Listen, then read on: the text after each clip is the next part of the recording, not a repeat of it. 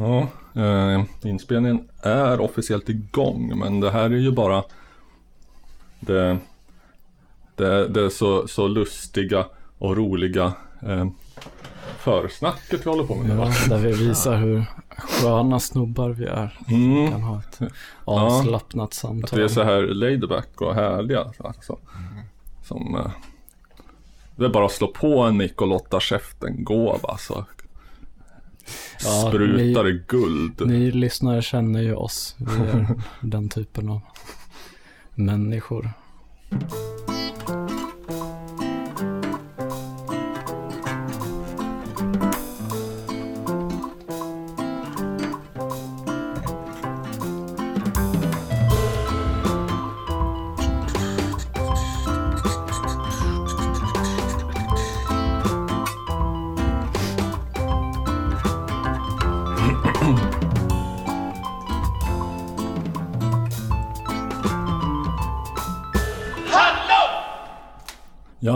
Hallon på er.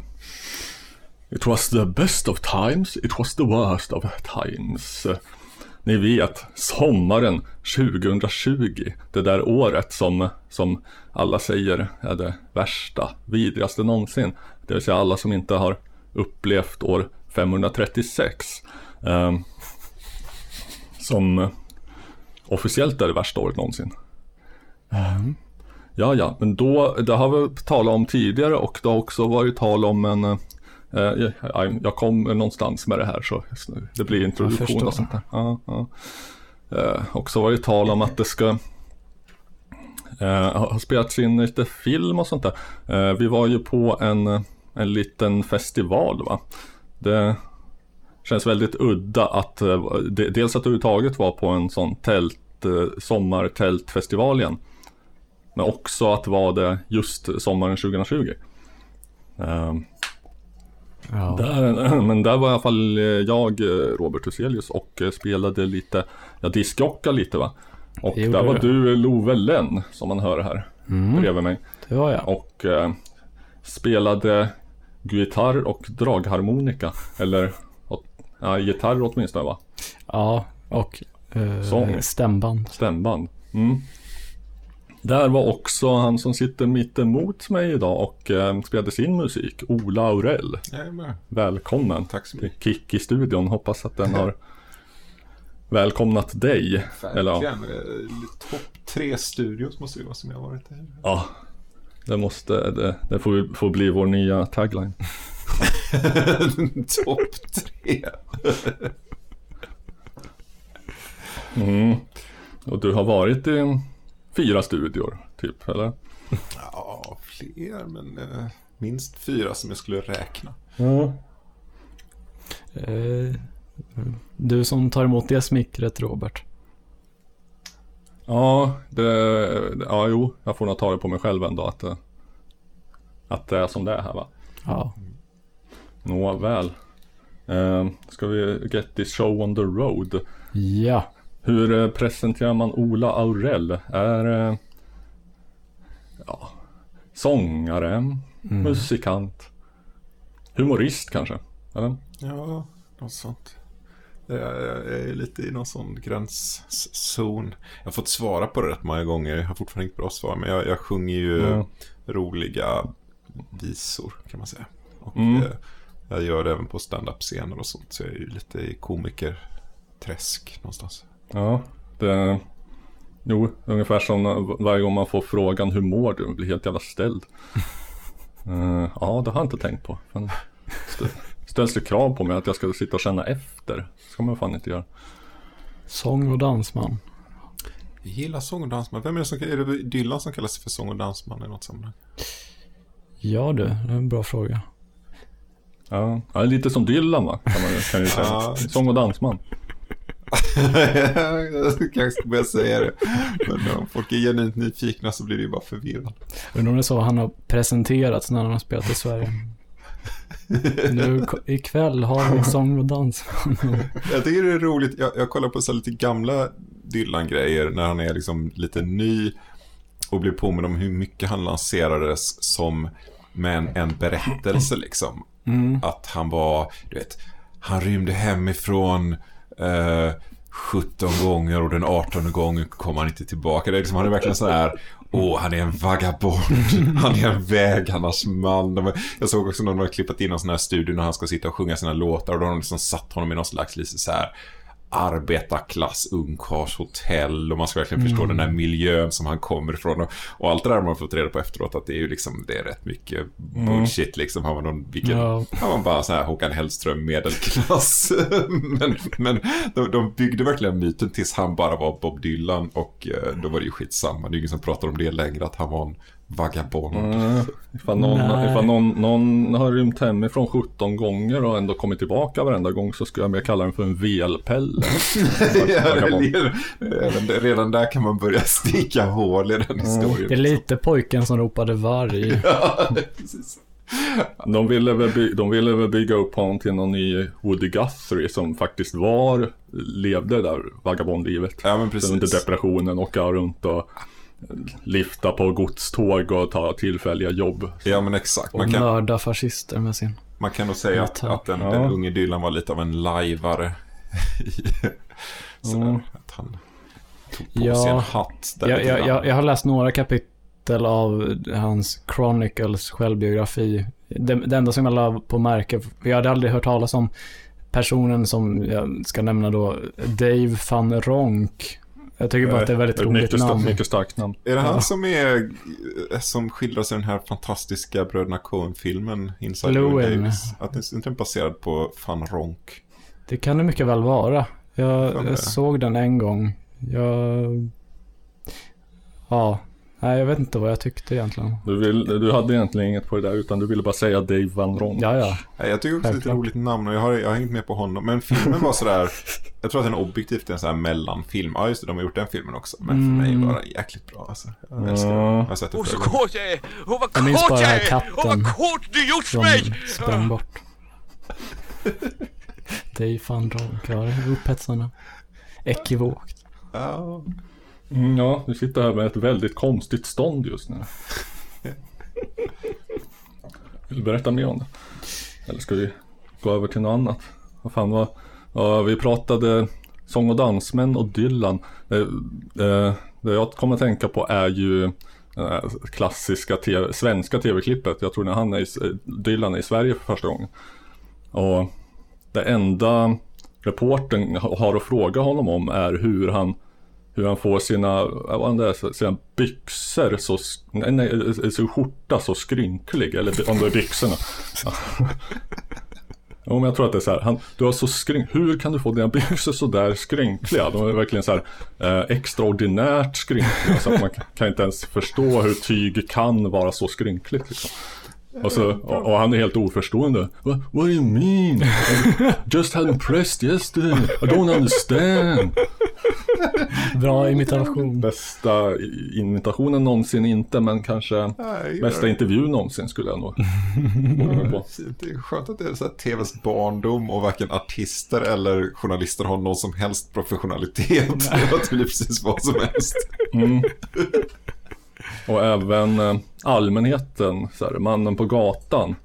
Innan, innan ens begreppet mannen på gatan fanns, så kanske när radion var ung, då, då, då var ju folk eh, det finns också någon så här klassisk BBC-klipp tror jag. Någon går fram eh, till en, det har hänt någonting i någon by eller någonting sånt där och går fram till en gammal man och ska fråga honom om vad, och, och han är totalt tvärvig liksom. Inte för att han kanske är en väldigt otrevlig människa men han har inte det har inte satt sig den här relationen mellan att det kommer en person med en mick och jag ska berätta någonting liksom. I have nothing to tell you about, uh, vad det nu var för någonting. Ja, det måste vara en rätt konstig situation första gången man upplever det.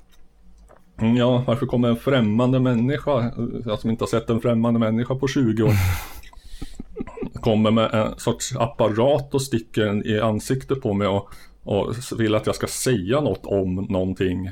När det är en ny situation för en så måste det vara jävligt förvirrande. Ja. Mm. Men vad fan, eh, vad är det vi hör på? Det är eh, musikens makt va? Ja. Eh, Sveriges enda maoistiska musikpodd som tar tydligt avstånd från mäns våld mot kvinnor. Ja. Det kan jag skriva under på. Mm. Ehm, Vi sticker ut på så sätt. Ja, vi, vi, är inte, vi är inte rädd för att liksom eh, sticka ut näsan. Vad heter det? Hakan? Ja, ja, alla extremiteter. Mm. ja, det finns nog mer grova saker man kan sticka ut. Ja. Ehm, också, eh, här glömde vi säga förra gången, när vi, när, under tiden vi, vi, hade, vi hade vårt eh, rekordlånga uppehåll för att eh, mitt mixerbord låg på dödsbädden. Mm, så fick vi två nya donatorer va? Oh, Erik och eh, Det glada 20-talet heter de. Eh, de får en... Nu ska, nu, nu, och, och så är det här med mitt eh, egen, egengjorda soundboard va. ja. Eh, hur får jag till? Ja, titta. Här ska de få en parallell eloge va, vardera. Ja, det är underbart. Mm. Tackar för det. Eh, för ni vet att eh, Love bor ju i en sopcontainer. Va?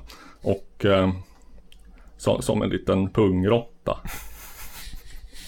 Eh, det har blivit så att hans spirit animal är pungrottan. Och eh, han kommer inte riktigt... Eh, enda, enda, enda sättet för honom att komma ifrån det här är ju ifall ni eh, öppnar upp pluskarna och eh, pungar ut. Ja, ni, har, ni, ni, ni som donati, donerar har stora hjärtan och stora plånböcker. Ja, stora hjärtan och stora pungar fulla med skramlande mynt. Ja. det är fantastiskt. Mm. Och sen rättelse från förra avsnittet. Mm. Det var lyssnaren Rickard Axelsson som hade önskat sig sovjetisk pop och ingen annan. Nej. Men eh, ja, vi eh, i Kickestudion, vi har Ola och El, vi har Love, vi har Robert och allt är väl i sin ordning va. Men eh, det fattas bara att någon, det vill säga jag, styr upp och eh, säger att nu går vi på ett eh, fast inslag här va. Och eh, då börjar jag med att eh, passa frågan till eh, min vänstra sida, Love. Ja.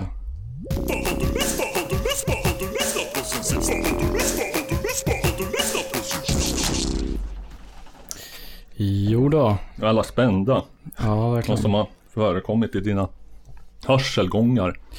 Det, detta har förekommit.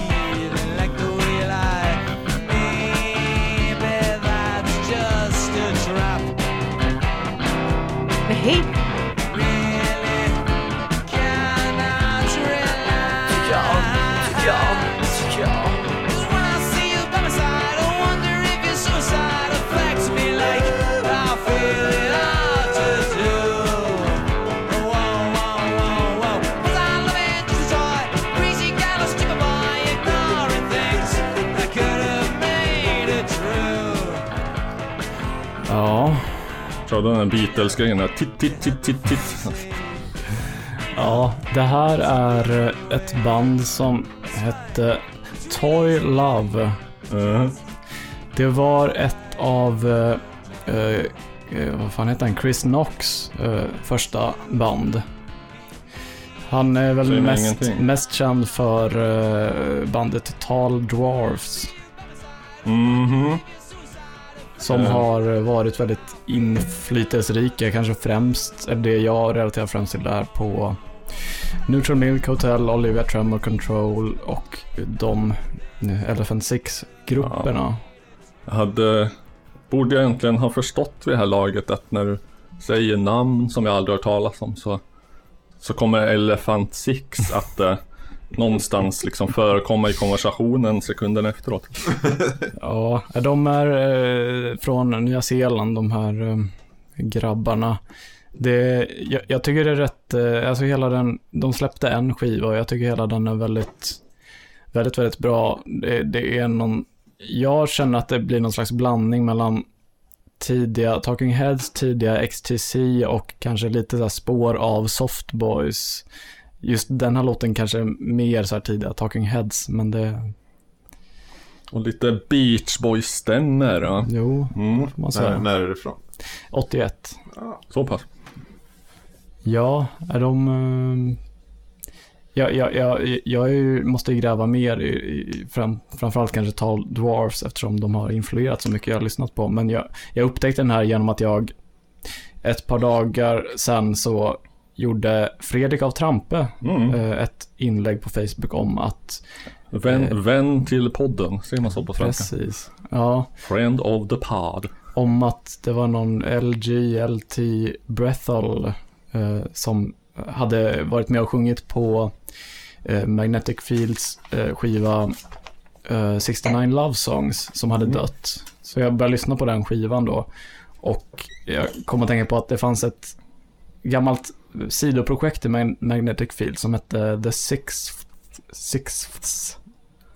Det, det är lite så här, tydligen är det medvetet liksom namnet att det ska vara svårt att uttala. Ja, jag tycker det är rasism mot svenskar att ha ett sånt outtalbart namn.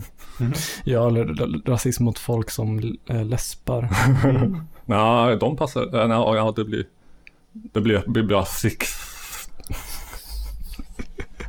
Men på, på, på den, eh, en av de skivorna där, eh, det var rätt många olika som sjöng där och en av dem som sjöng då var just eh, Chris Knox. Eh, och då grävde jag lite i det och kom Mm. fram till det här. Ett gräv helt enkelt. Ett äh, Guldspaden nästa till musikens makt. Ja, jag gör lite, jag imiterar lite tramper där och gräver ner mig. Ja, att jag, du, du, du, har, du har liksom, du har suttit på KB och, och eh, läst eh, mikrofilm av gamla Aftonbladet-artiklar från 81. Här. Jag ska faktiskt, eh, Per Bjurman har sett det här bandet. jag ska faktiskt eh, skriva in en ansökan så jag kan få så här forskarlägg på KB. Mm. Ja, det, är, bra musik tycker jag. Mm, det är ingen av er har någon koppling? Eller, Ti- Tips, skriv inte att du vill forska om Bingolotto. Jag tror den dörren är stängd.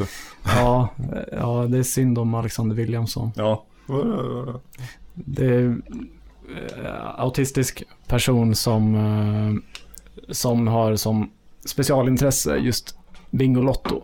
Som, det var ett par år sedan, om det var 2014, mm. som det blev nyheter om att han inte längre fick forska, eller forska, han hade någon stor så här, eh, typ eh, Wikipedia-aktigt, där han bara, all så här små kalenderbitar info om alla avsnitt av Bingolotto någonsin. Mhm. Men då ville de inte att han, de tyckte inte att det var liksom legitimt. Och inte forskning. Åh. Vänta nu, vi trodde du var en forskare men nu ser vi att du är bara en liten nörd. Jag tyckte det var roligt med Bingolotto att de hade så, så här creddiga artister där som inte matchade inramningen mellan Ja. David Bowie och Morrissey och sådana var jo. med där. Och så blev det bara så här Bingolotto, här är kvällens artist. Och så är det inte ett dansband, Ja. utan typ Morrissey. Alltså var det Mor- ja, det var, det var jävligt speciellt. Det, det avsnittet såg jag. Uh, enligt, enligt honom själv, det här kan ju vara någon sorts efterhandskonstruktion för att rädda sig, men enligt honom själv så ville han medvetet liksom medverka i det, det pajigaste och folkligaste och liksom där det skulle skära sig som mest. Typ.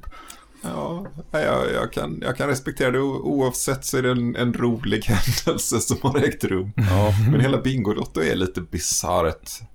Alltså även bortsett från de stjärnor, alltså att det är så stor publiksuccé som är liksom Leif Loket och Mm. Ja, hela ett pajigt lotteri liksom. Att det är bara så här förenings-Sverige som passar in från 1972. Det är liksom kaffe, termos och hallonsod över alltihop. Och det bara Ja. tar över TV-Sverige. ja, Ja, jag, jag, dit ända från Lidköping.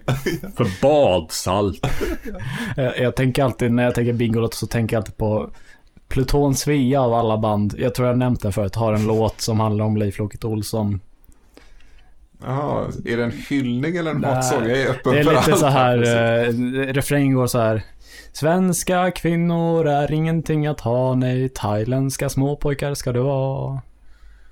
Ja, en viss ironi mellan... Är det något rykte Eller ska det handla om-? Jo, det är nog rykte. Ja, okej. Och det, är- det är någonting med nazister och att eh, ta tydligt avstånd från pedofili. Ja, ja så det, kan, det kan inte vi göra. Då, då blir vi brunsmetade, så tyvärr. Precis. Och inga avståndstaganden från pedofili från Nej, musikens de har lite tagit över den nischen. Det är så här ro, ro, roliga, jag, jag glömmer bort det med jämna mellanrum. Och så, jag, jag pratar med så här Simon Gärdenfors och sånt där som är ju... Alltså att det finns ju... Om man gör lite så allmänt så här provokativ humor så är man ju van, i alla fall nu, att det ska vara så här godhetsvänster som ska kunna, ja men du får inte liksom, här blir det lite farligt, du vet, Mm. rasistiska stereotyper så. Mm. Men just när man kommer in på pedofili, då, då Ja, då kommer plötsligt de där eh, verklighetens folk som står upp för yttran- yttrandefriheten plötsligt liksom Va? då vaknar de plötsligt så då kan man liksom få, få mothugg där också. ja de, som, de som är med. Vad hette häst? Först hette den stå upp för Peter Springare va? Nu heter den Stå upp för Sverige. eller? Ja, När, så, så, så, eh, han, de, de tog avstånd från Peter Spring. var inte han som tog avstånd från Jo, dem? det kan det nog ha varit. Inte, det kanske var ett ömsesidigt avstånd. Eh, Många så här att han gick med i Örebropartiet, så är det Ja. vissa som tycker att han har blivit vänsterextremist. Ja, klart. De där kommunisterna. Eh, Ja, jag tänkte bara, eh, de- ingen, de- ingen av er hade någon relation till Tall Dwarfs eller Chris Nej. Knox? Nej, inte förrän det kom till Elephant Six som jag mest har relation till för att min, eh, min lite mer pretentiösa lillebror pratade om när han, eh, han hade sin mest sådär musikvurmande period. Han, han hade ju musikkarriär också sen ska jag säga. Så Jaha, ska inte, Kanske vi kommer in på sen. mm. Jag tänker att kan vi... nämna det. det. Ja, jag tänker att jag kanske ska spara det bästa eller det nyaste till sist. Så jag, att jag ställer tillbaka frågan till Robert. Mhm. Eh, vad har du Just lyssnat det. på sen sist? Jag, vill, jag ville bara få, få, in, få det här sagt att eh, eh, stå upp för Peter Springare. Att det efter ett tag ett namn till stå upp för sanningen. Och sen så vart det någon sorts diskussion om vad är sanning? Det kan väl vara lite, eh, det som är sanning för mig är inte sanning för dig. Eh, eh, eh, eh. Och då, då blir det nästan stå upp för sanningen som är relativ. Det tycker jag är så himla bra. Jag får att det fanns någon sån här, när det också var någon, sådär stå upp för Sverige med förnuft Det fanns olika. Men man undrar också hur mycket det bara är trollningar. Jag tycker det är så många sådana grejer som man inte vet hur hög procent som bara är folk som kastar sig in i det. Mm, och ehm, Och det är väldigt svårt att veta ibland. Ja, Ja, eh, ja skitsamma. Vad jag har jag lyssnat på sen sist? Vad är det du frågar? Tänk det var det. att man skulle få en, en, en så, sån fråga på ålderns höst. Ja. Eh, vi, vi har väl redan etablerat i den här podden att eh, jag är normalt sett inte en jättevän av opera va? Nej, det, det har du varit mycket tydlig med. Mm. Ja, jag är känd som en mycket tydlig människa, särskilt i fråga om opera. Men eh, eh, det, det, det är väl rätt så, det är väl mest det här eh, affekterade, eh, de här manieren. Jag har svårt för. Mm. Men eh, när det görs bra så är det, kan det vara helt eh, fruktansvärt underbart. Jag, då upptäckte jag eh, denna makalösa sångerska vid na- namn Roberta Mameli. Som naturligtvis inte alls uttalas så för att hon är italienare då. Eh, Mameli. Roberta Maneli. Som här sjunger Vivaldi och eh,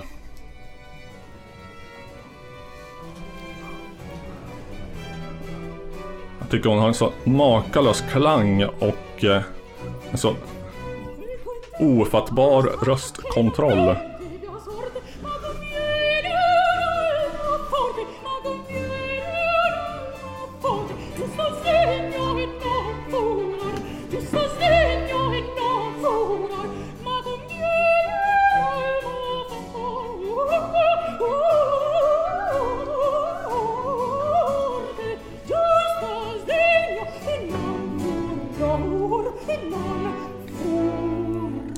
tror man att det är slut, men så blir det rock'n'roll.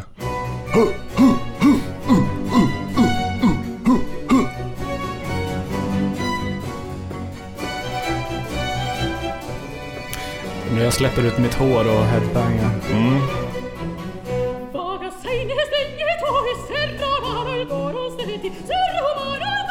Ja, till och med Ola släpper ut sitt hår och headbangar för rinnande livet.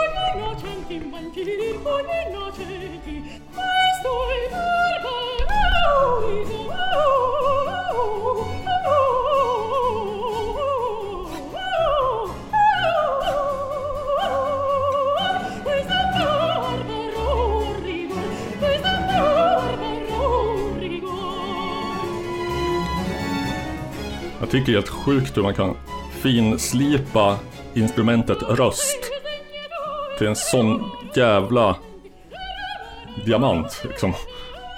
Ja, Att bara träffa alla de här tonerna med en sån klang och sån kontroll över liksom volym och allting. jag tycker det hjälper också att det är så rivig eh, musik. Mm. Det ränner. Just det. Ett jävla rens.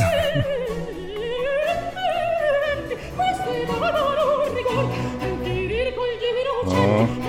Så ja, det är bara ett tips då, då. Kolla upp henne. Roberta Mameli. Finns inte jättemycket inspelat tyvärr, men hon eh, håller på för, för fullt va? Är Eh. samtida? Ja, jo. Jag vet inte hur gammal hon är. Kanske ser ut att vara en eh, 40-30 något. Mm.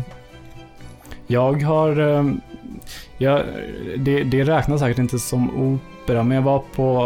eh, För två år sedan var jag på Carmina Burana som spelades på Stockholms Mm. konserthus. Det ja, är en opera, det vet jag inte. Är det ett körverk? Jag, jag vet Ja, det, det låter bekant. Vi har ju spelat av lite grann från, ja uppenbarligen då den mest kända Åh, Fortuna har vi väl kört Mm. i podden som, som intro till mitt stora Magma Extravaganza. Just ja, just ja. Med Christian Wander förmodligen den rockikon som mest har fört Orfs arv vidare. ja. Vad har du för relation till opera, Ola? Eh, jag hade faktiskt en period när jag eh, gillade opera. Eller eh, så här, jag var ganska ung så vi, vi, ville gilla opera delvis också. Sådär, Så Mm. man kan vara bara, nu ska jag gilla det här. Ehm, Jo, och ehm, jag, jag, jag tror jag släppte det efter ett tag och jag tror att jag landade i att jag inte ändå gillar operasång så mycket. Men jag tycker att en Mm. del av musiken är väldigt eh, bra. Nej, man, man måste ju på något vis eh, för, först så här ställa in sinnet och vänja sig vid själva sättet att sjunga för att det är så Ja. eh, annorlunda från alla andra sätt att sjunga. Som, Ja, men så är det. Och jag, jag kan ju liksom förstå vad du menar. Att det, det, det, det finns något starkt i det och hon gör det ju väldigt bra. Men, men jag kan liksom inte släppa tanken efter ett tag att det här är det är ju ett sätt att sjunga som finns för att man inte har mikrofoner. Det- och så har det- de utvecklat det väldigt långt och det är fascinerande men det är också lite onödigt. Jag, jag tror aldrig jag skulle kunna sitta och lyssna på opera utan att tänka hela tiden. Jag sitter och lyssnar på opera. Nej, det är lite... se, ser dig själv utifrån Ja. som eh, någon, eh, ja, vet inte. Wannabe fin kulturell. Ja. Ol- oljemålning i Claire Obskyr där en ung man i basker sitter pannan i djupa veck. Ja, jag tror att jag har brottats lite med det där. För jag har en väldig tendens att gilla gamla grejer och vilja så här lajva en annan tid. Och det är säkert, också därför som jag sjunger visor och sådär. Mm. men jag, jag har liksom börjat ändå bekämpa vissa sådana tendenser och gå emot mina mest löjligt stofila drag. Så därför lyssnar jag inte på opera, tror jag. Nu. Nej, nej. Men eh, man hör här, den här Vivaldi-grejen nyss, så förstår man också varför de kallar epoken för barock. För att det, det är ju, det är inget som faller sig naturligt för någon människa någon, i någon kultur att uh, sjunga så, med alla de där krusidullerna och utsvärden. Alla de där knorrarna överallt. Det, det, det kan ju inte, antagligen så, så fanns inte före barocken att man, ingen sjöng sådär. Plötsligt så börjar de så här sira ut det mer och mer.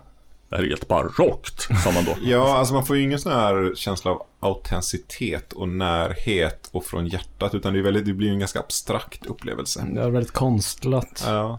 Men, men opera är ju fascinerande på det sättet att det kan vara så här superkonstlat och samtidigt väcka väldigt så här starka känslor. Att de, de tar en rolig så här omväg. Att nej, vi ska inte alls försöka lura in dig med närhet och, och att det bara känns som livet självt. Utan när vi går en helt annan väg, det är supertillgjort och så ska vi rakt in i ditt hjärta på något sätt. Alltså det är en fascinerande manöver liksom. När de, Ja, Ja, men jag kan nästan lite, just det här med att använda rösten som instrument, alltså om vissa så här, eh, typ eh, Cocktail Twins, eh, Liz Fraser där sjunger på, alltså på vissa låtar sjunger hon bara på språk eh, Och det, det har ju vissa likheter med opera eftersom det oftast är på typ italienska. Så jag är annars en person som lyssnar väldigt mycket på texter när jag lyssnar på musik.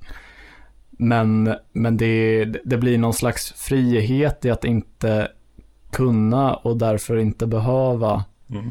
tänka på sånt. ja, jo. Eh, som jag när jag lyssnar på turkisk och tjeckisk och rysk musik och whatever. Mm. Eh, ja, jag vet inte vad de sjunger om här. Och eh, jag Kanske något skiter i... jätteperverst. Ja.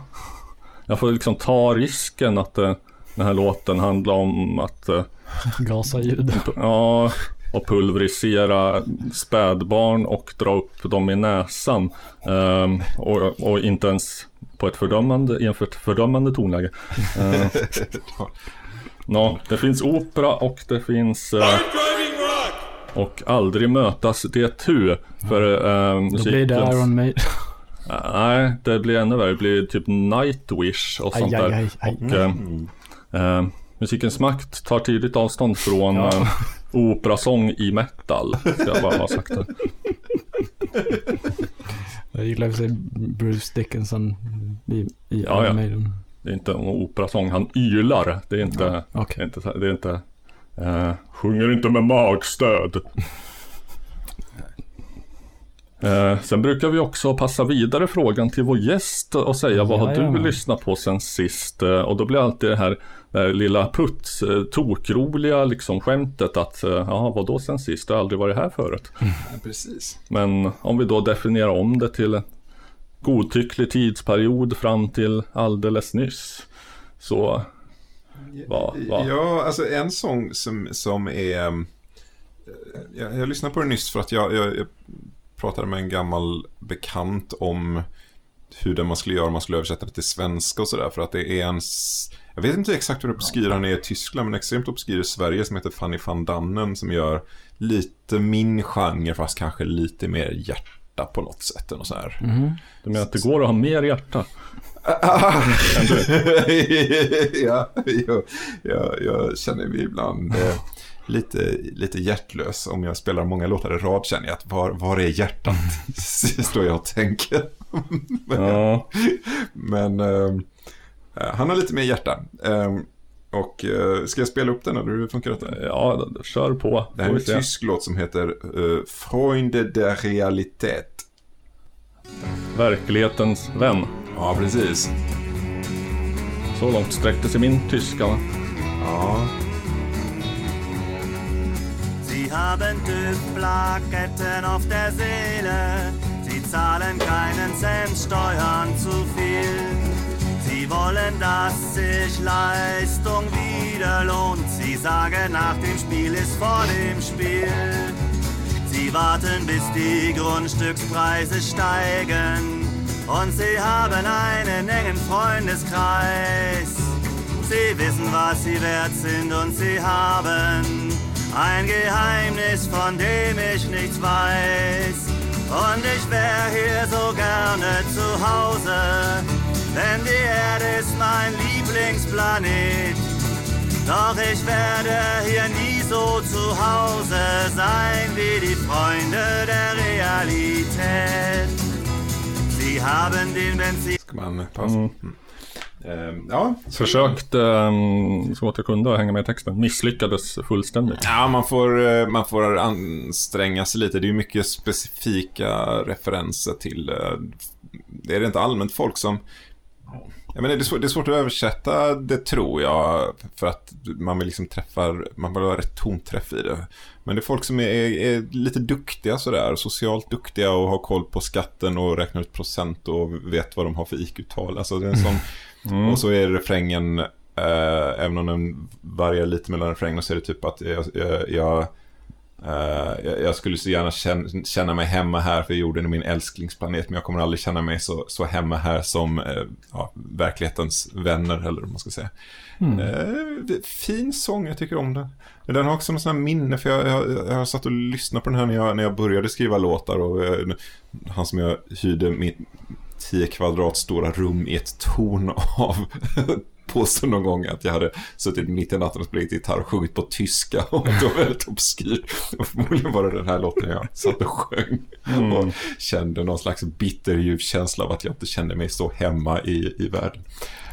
Jag, jag gillar verkligen ljudbilden med de eh, klagande gurorna och eh, dragspelet. Eh, som är lite subtilt liksom. Det, det blir väldigt härligt. Ja, eh, och så har den lite så här gnäll, liksom, apropå det här med autenticitet, att det här är ju verkligen inte så där vackert, men man känner ändå att ah, men det här är en 35-årig tysk Ja, som ja. sitter och gnäller med sin gitarr och så får man ta det för vad det är. Liksom. Det är Mm. Jo, det är väldigt fint. ja, jag är förtjust i det. Hur, hur upptäckte du det från första början? Eh, Jag var, bodde i Berlin i något, jag inte, ett, ett eller två år och eh, um, jag hängde med lite svenskar där och de, de tyckte väl att, ja, det är väl sådär när man bor i Berlin, man ska gärna vara sådär, vi har snappat upp lite Berlinkultur här så vi kanske kan Ja. lära dig något av oss och de introducerade den här mannen eh, för mig. Var det när det fortfarande var coolt att bo i Berlin eller? Eh, Jag tror att även de tyckte att, eh, ja visst är det kul i Berlin nu, men eh, det var ju för fem, tio, vad det nu, du skulle Mm. varit här liksom för fem år sedan, du skulle varit här för tio år sedan. Ja. Eh, när var jag där? Så, så tror jag det är alltid överallt. Det, någon, Ah, någon ah. jävel ska komma och förstöra det roliga och säga att det var... Precis, jag, var, jag bodde där 2005-ish. Sådär. Och då, då, hade, då var den bästa tiden förbi, men det var ju fortfarande billigt att bo där till exempel. Och efter det, nu, nu är det väl inte ens det, tror jag. Nej, Samtidigt så tror jag att det finns säkert vissa saker som kan bli bättre också. Att det blir ännu mer sådär ställen dit hipster faktiskt tycker det är roligt att gå. Men alla förstår också att det här är inte lika autentiskt och gata som det Ja, en gång var. Nej, det blir, det blir någon slags eh, turistgentrifiering nästan. Ja, och den är rätt smygande eftersom man, man, man kan ändå uppskatta de grejerna. Förmodligen, om man bor där och är en sån människa. Att Mm. nu har de öppnat en uh, cykelreparationsaffär som också är ett mysigt café. Men, men kommer man dit och har varit där tidigare så kommer man också se att det här är väldigt plastigt. Och det Ja. börjar folk, de coola människorna har fått barn för länge sedan och sådär. Det jag bara associerade när jag var i, i en liten förort till Manchester för två år sedan som heter Didsbury. Då var jag och en eh, före detta, någon form av eh, relationsdam. Alltså, ja, någon jag var, hade någon, någon, form, nej, någon, någon form av förhållande med. Hålldam. Då var vi, vi på en, en cykelverkstad som också var en pub. Mm. Det är en fin kombination. Håll dam, det är det ord som jag måste lära min dotter. Ja. Det är nog tacksamt att rimma på också. Jag kommer inte på något spontant just nu. Ja, ja, man kan ju göra så att man får rimma på de två leden separat så kan det nog funka. Mm. Men eh, ja, eh, kommer man någonstans överhuvudtaget och det dyker upp kombinerad cykelverkstad och krog så vet man att här, här, har, här har jag gått ut för liksom. Här är hipsterifieringen i full gång. Eller så är man typ i Ghana och alla gör sånt. ja, det just det. Det är alltid på ett mycket tidigt eller sent stadium. Nej, Didsbury var rätt gentrifierat. Det var hippt och fint och lite så här Södermalm-aktigt. Ja, eh, vi sitter just nu i Bagarmossen, famously. Eh, Det här stället har ju verkligen gjort samma resa eh, under tiden jag bott här. Jag flyttade hit för 13 år sedan. Eh, Då var det ett ställe man fortfarande varnade för. Att, Ah. eh, ja, det, ja, det är lite ruffigt i Bagarmossen. Det är lite, nästan som Rågsved. Det, ja, dit vill du inte flytta. Särskilt inte Byhälsvägen. Ja, bara tjuvar och rackare. Som, De orden Ja, som användes för rackarepack. 15 år sedan var det ju gängse benämningar på obehagliga människor. mm, Rackare. Ja. Jo, och eh, sen dess har det ju gått, eh, eh, ja, man kanske löper mindre risk att bli eh, rånbögmördad på öppen gata, men desto större eh, risk att bli påsåld eh, liksom, hemlagad eh, surdegslimpa för 50 spänn. Alltså, ja, Vad, vad föredrar man? Ja, ja jag, jag, jag, jag säger så här. Eh, jag sa inget när de stängde det, det lysrörsbelysta lilla Peppes Café som öppnade sex på morgonen och sålde svettiga ostfrallor i plast för 15 spänn. Och öppnade surdegscafé istället. För att jag gick inte på café. Men när, jag ska egentligen vara fler led i den här, men det är inte. Men, när de stängde Sherlock Holmes-locken i förra nyåret. Ja. Då, då, då tappade jag hoppet om den här platsen. Alltså. Var ska man nu gå för att bli erbjuden ladd av en ansiktstatuerad främling eller bli hotad med stryk av en kille i rullstol? Ja. En stor, stor sorg i Stor mitt hjärta varje gång jag går förbi det. Jag tänker att varje gång man går förbi så borde man ha en liten ros att lägga utanför. ja, det är en jävla dödsruna. Mm. Ja. Eh, men. Är det är jag som är, som är Rorsman här. Det är jag Ja. som ska. Fan, jag när vilan på mina axlar ska styra upp det här va. När, när jag ändå har Ola Aurell här. Borde vi prata med och om Ola Aurell kanske. På Ja. en och samma gång. Absolut. Vi, eh, vi har ju vi, Johan Johansson. Det Ja, just det. klingar bekant. Han, eh, han var ju här. Ja, Satt uh, ungefär där du sitter nu. Uh, ville avsluta vårt avsnitt med en uh, fin liten vaggvisa typ va. Som, eh, som, som var författad av dig. Så att det fick han göra. ja, ja vad roligt. Ja, den, den, minns jag. Jag körde inte live längre just nu. Men han har ju producerat tre av mina skivor i alla fall. Ja, av vilka det finns hur många sammanlagt. Fem finns det sammanlagt. Eh, Så han har, eh, han har mycket fingrar i den syltburken. Um, Den Aurellska syltburken. ja, Jag, jag, jag, jag minns faktiskt när det, eh, första gången jag hörde talas om det var när, när jag var så här 8-9 bast så skaffade jag Facebook. Det, man kände sig så eh, rebell. Jag är så ung. Love är mycket Så ung. ja, precis. Född 99. Nej, men det, det Lite av kändes... våran USP. Precis, jag re, representerar den unga eh, befolkningens musiksmak och du den gamla. Men, men unga befolkningens musiksak som Elephant Six-kollektivet. Ja, ja. Ja, stora 98, eller när är detta? Ja, precis. Men jag eh, skaffade Facebook då. Det kändes lite så här rebelliskt för att man var tvungen att vara 13 typ. Men då, Mm. då så här, någon gång minns jag så här, först att jag sökte upp så här, för då lyssnade jag, var jag väldigt inne på Ebba Grön och, och vissa av Thåströms eh, eh, soloplattor. Och då sökte jag på så här Thåström och fick upp någon, det var någon profil som hette Pimme Thåström.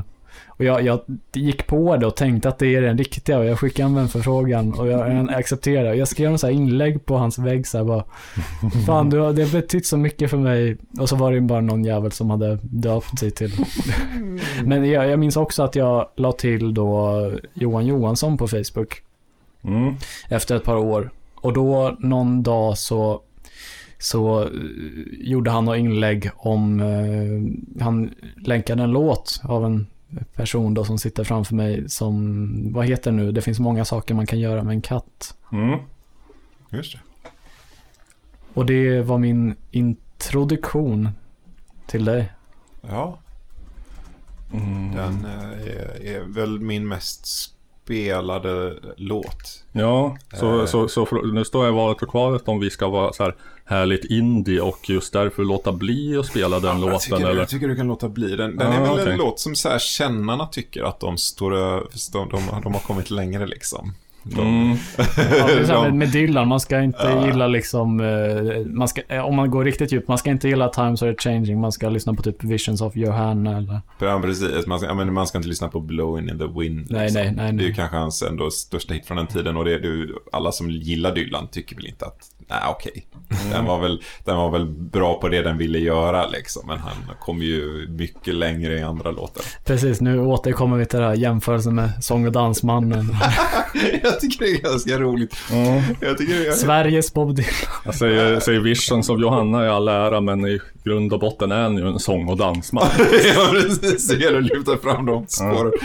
Eh, Jag tycker det är roligt med Dylan. Det är så många som ändå har gått igenom katalogen av sådana här eh, gubbar som gör svensk text så är det så tydligt hur mycket Dylan har påverkat folk på gott och ont genom åren.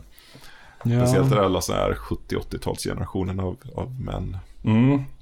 Så här, mm, vad snackar vi då? De här Via, Afzelius. eh, Ja, de också. Männen. Men även, eh, nu, nu tappar jag mm, namn, han som dog nyss, vad heter han, Ola, han som heter som jag, Ola Magnell.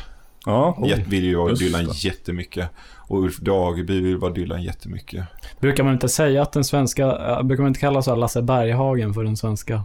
Det, det är också roligt, men det är väl sån här snedtänkt kaliber på det. De gick igenom sån här, vilka de var under en kort period på 60-talet och, och att de hittade sina roller sen och att Lasse Berghagen var liksom på väg att bli Sveriges Bob Dylan för att han hade gjort lite protestsånger och var lite cool. Och sen är han någon helt annanstans plötsligt och det är så roligt med att nej, det var, nej, det var inte där det gick. Och Nej, men han, var, han valde, han är fortfarande Dylan, han bara, han bara valde sång och dansman-spåret. Ja, jag har sagt det i andra sammanhang, men jag tycker det är väldigt roligt att Lasse Berghagen har gett ut en så här diktantologi som är ett lite så här svensk dikt, eller ungefär mina, de bästa dikterna liksom. Och Mm. så är det alltså Nils Ferlin och Fröding, du vet hela det köret. Ja. Han lagt in två egna, har han lagt in två egna dikter i den också.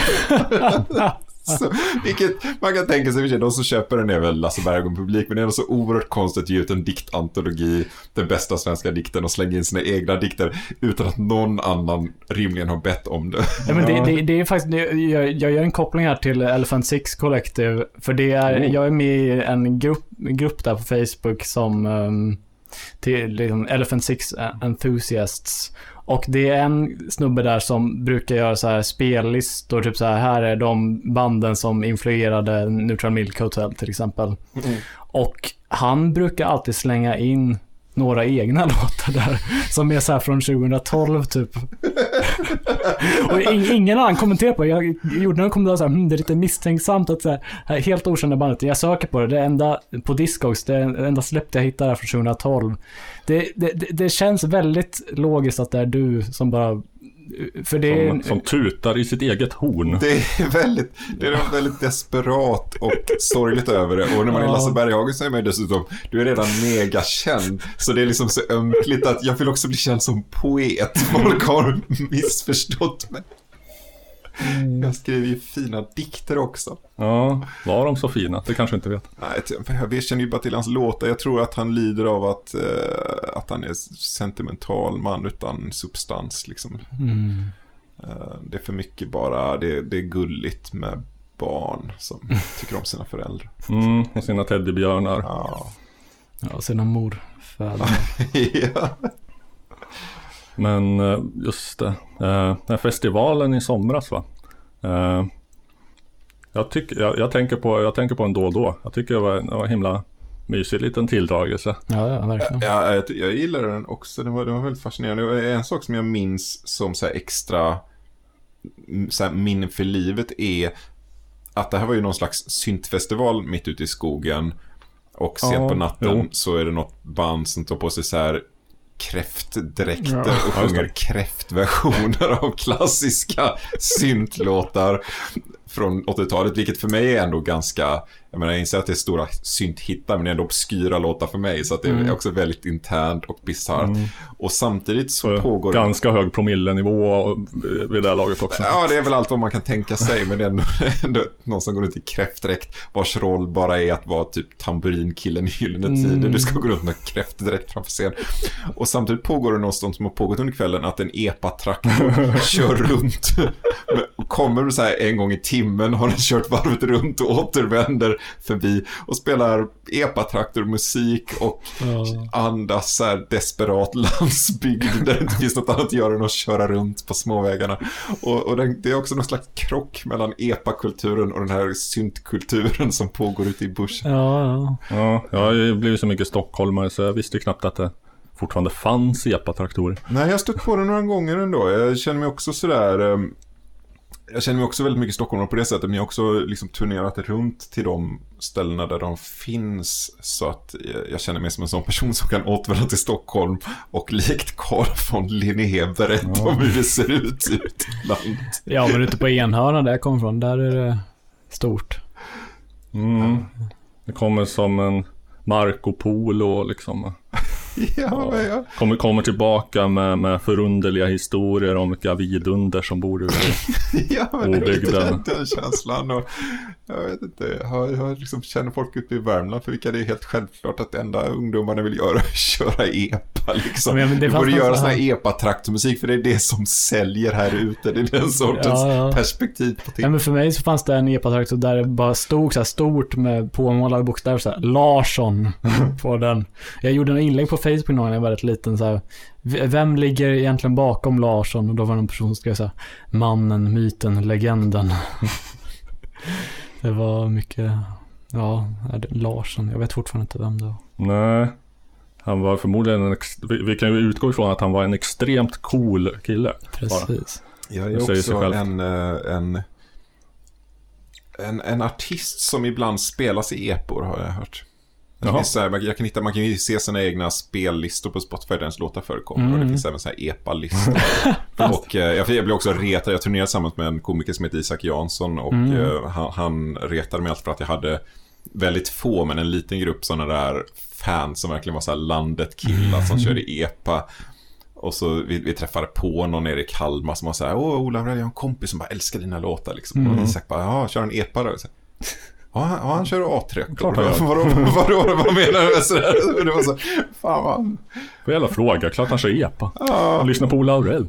Jag, jag, jag- har gjort bort mig så många gånger inför, flera gånger inför Isak Jansson att jag har frågat så här, jag tänkte vara lite så här, ja men jag ska, så här, det, det, det, men jag minns nog fel så, det är du som är Thomas Eriksson va? Mm. Ja. Ja, Det, det är kanske lite internt. ja, mycket. Jag vet inte, men äh, de är ju en, en, en duo. Som har haft en podd som du har varit med i flera gånger. Jaha. Ja, det har de haft. där. De har ju, ja, vi har ju också varit, ja, de har ju också en rollspelsklubb som Isak gör där Just Thomas just är med mycket och så vidare. De är från samma ställe i, i Dalarna. Mm. Men du har haft någon Thomas Quick eh, grej med Isak. Ja, det har jag haft som vi turnerar med en Thomas Quick-show. Men jag har, jag har gjort grejer med Thomas också faktiskt, så Mm. jag är lite insyltad. Inte kvick då. Nej, precis. Det har jag inte. Eller Sture ska vi väl säga nu då. Ja, Ja. man får Ska inte använda dödnamn. För att, Nej, man får använda det ordet som han föredrar. Så att ja, hans hans Precis. rättighet att välja sin egen. annars orsakar man bokstavligen död har jag hört ifall man använder fel namn på folk. Ja. Det vill vi, vi ta avstånd från, Ja, från att orsaka död. Ehm, ja, ja, men det har vi gjort. Vi gjorde en, en Thomas Quick-turné. Jag gjorde även låtar som eh, har, släppts på Thomas Quick-temat. Ja. Eh, Vi har ju inte spelat nästan någon musik sedan. eh, Vi, vi har inte spelat musik sedan mannaminne. Um, det, jag ser, här finns, jag, jag lyssnade på den igår. Uh, den här Thomas Quick show-plattan finns på en streamingtjänst nära dig. Eh, så vi kanske kunde dra någonting ifrån den. Har du någon favoritlåt Jag tror på att den den? bästa låten från den är den som heter Tänk om vi haft så vidrigt sex. Det är ett mycket starkt namn. Jag tror Ja. aldrig jag kom så långt fram så att det blir en överraskning för mig. Du kan, eller körde du den på, på festivalen kanske? Nej, det tror jag inte. Jag körde inte så mycket live. Jag körde den i showen mest. Den är, är, den är lite hård. Vi, faktiskt, vi släppte den inte som sådär eh, studioversion. Utan den finns bara som Mm. Jag eh, Det här, det, det här kanske en backhanded compliment. eh, och kanske mest backhanded mot eh, Johan Johansson då. Men jag tycker att du är bättre live än på skiva.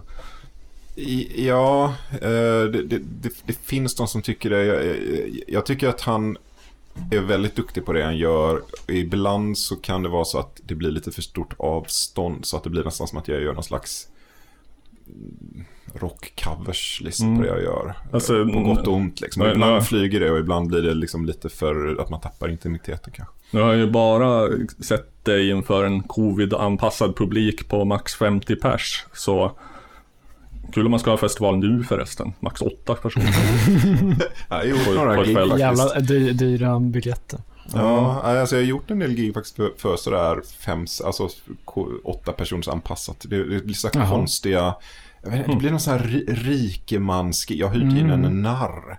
Ni vet den där låten jag spelar för er. Jag har hyrt in honom så att han kan sjunga den här för oss nu medan vi dricker dyra Avex. Det, det, det är några sådana gig har jag haft. Vilket ju är, det är helt okej gig men, Ja. men det är också... Rör, rör er ledigt mellan EPA-traktorerna och eh, stra, Strandvägen. Ja, ja, Sjuvån, sju, sjurumsvåningen. ja. Aron Flams-fest.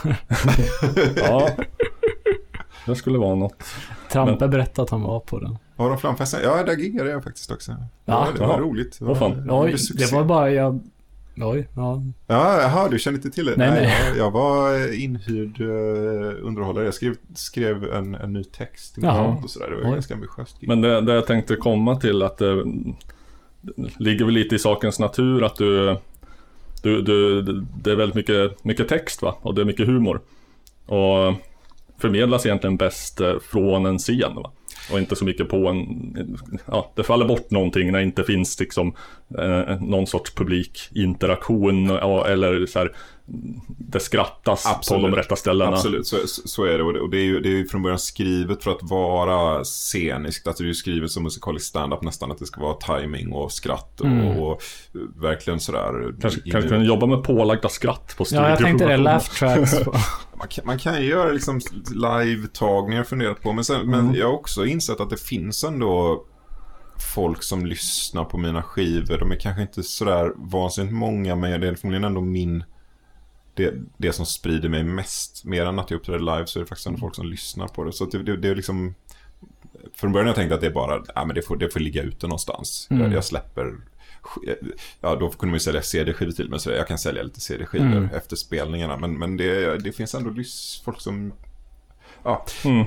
men, men det, det är ju tänkt som en live-grej från början, absolut. Ja, men jag tror, Men, jag tror att det ja. blir en skillnad i, när, när man lyssnar på det hemma på kammaren så blir det mer finurligt. Om man ska Ja, använda det ordet. Eh, det, det, det är mycket svårare generellt, även om man kollar på liksom tv-serier, att eh, gapskratta. eh, Det blir en sån sak, bara om man sitter med en annan person så har jag i alla fall mycket närmare till skratt om man kollar på, jag vet inte, It's Always Sunny in Philadelphia eller Arrested Development eller någonting. Du menar firma, ruffel och bygg? Precis. Korrekta titlar här. ja, jag tycker också att korrekt titel är påkallat. Ja. Firma... Vad är det? Och bygg. Rovel, ruffel och båg? Nej, Nej, Nej, bygg. bygg, ruffel och bygg. Ja, Ja, det är Eftersom det är- ordvits där. Ja. ja. Mycket dålig ordvits. Men, ja men eh, alltså nu har vi suttit här i, i, i så lång tid och inte spelat någon Ola Aurell och eh, bara pratat om att göra det. Men då, Ja, vi får väl göra någonting åt den saken. Mm.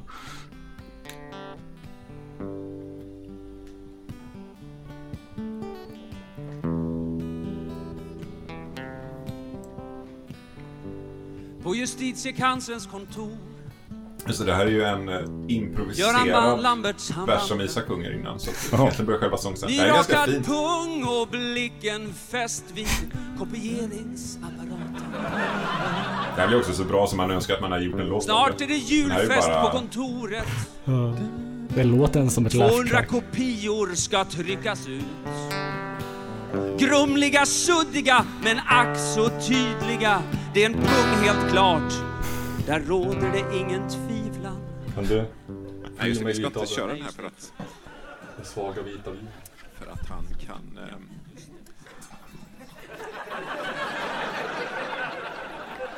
Det är, det, det är tur att vi inte hann med dansen.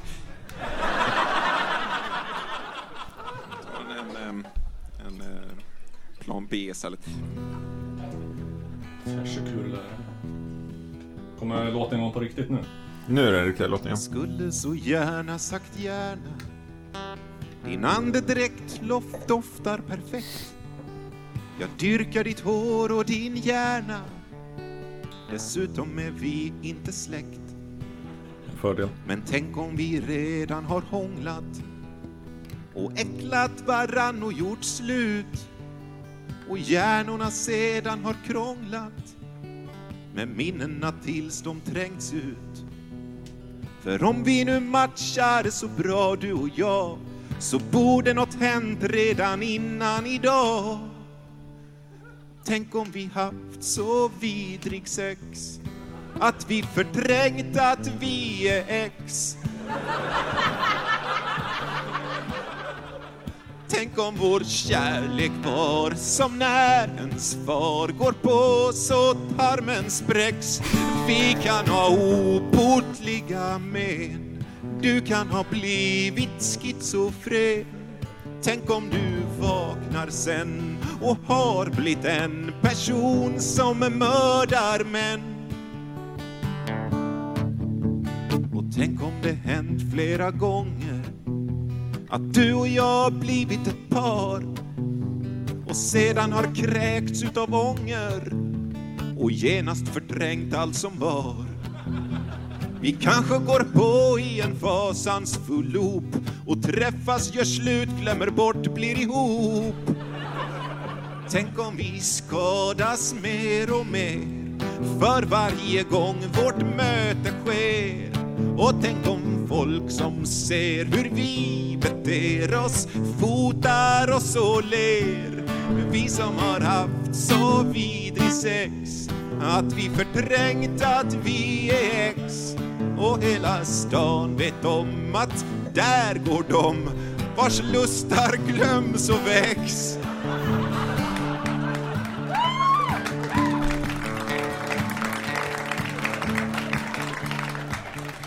Ja, jag blundar och ser oss nakna. Detta kan vara ren fantasi. Det kan också vara minnen jag saknar som borde tas fram i terapi. Tänk om vi haft så vidrig sex att vi förträngt att vi är ex. Det är nog inte så, men gå hej då innan jag ställer mig i duschen och kräks. Men allihop, tänk om vi haft så vidrig sex Allsång. att vi förträngt att vi är ex. La la la la la la la la la la la la la la la la Tänk om vi haft så vidrig sex vi förträngt att vi är ex. La la la la la la la la la la la la la la la Wir haben gehabt so crazy Sex, dass wir haben vergisst, dass wir sind Ex. Und unser Geschlechtsverkehr war so verkehrt wie ein. Freitag ohne Text-Mex.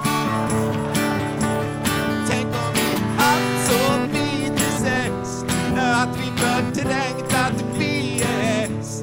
La la la la la la la la la la la la la la la la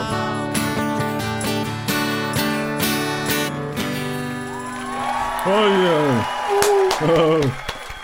Jag gillar dem. Vi hade ju pratat om eh, Freud och förträngda minnen och sånt innan. Så var liksom... Ja, ja men en, en eloge för den låten. Det är ovanligt att vi kör en hel låt så här på raken. Men eh, det, jag tycker att det, den, det var ändå förvånansvärt eh, lite mörk och grov. För, med tanke på många andra grejer du har skrivit. Ja, det är den. Det, det är... Um... Det, det, det, enda som är lite över gränsen är väl det där med, med tarmen spräcks. Ja, ja. Jag känner alltid att jag tappar dem där och varje gång jag sjunger känner jag fan jag kunde tagit en annan rad här och bevarat den energivåg vi rider på. Men man, man är alltid så här, oh, Nej, man ska spräcka hål på en ballong så fort man ser den tycker jag. ja, jag vet inte. Alltså associerar det till eh, från förra avsnittet eh, minns vi citatet Bra att du skiter upp arslet så det är stort som fan. Jo, det är fint. Ja, ibland har jag en sån, eh, jag vet inte varför jag har kvar den, men det finns en sån etik att ja men du vet, rimmet måste få leda sången dit rimmet vill ibland. Mm. Och framförallt i början så, jag, kom, jag höll på mycket med improteater, jag tyckte att det, ja, men det är härligt liksom att eh, det är inte bara jag som styr.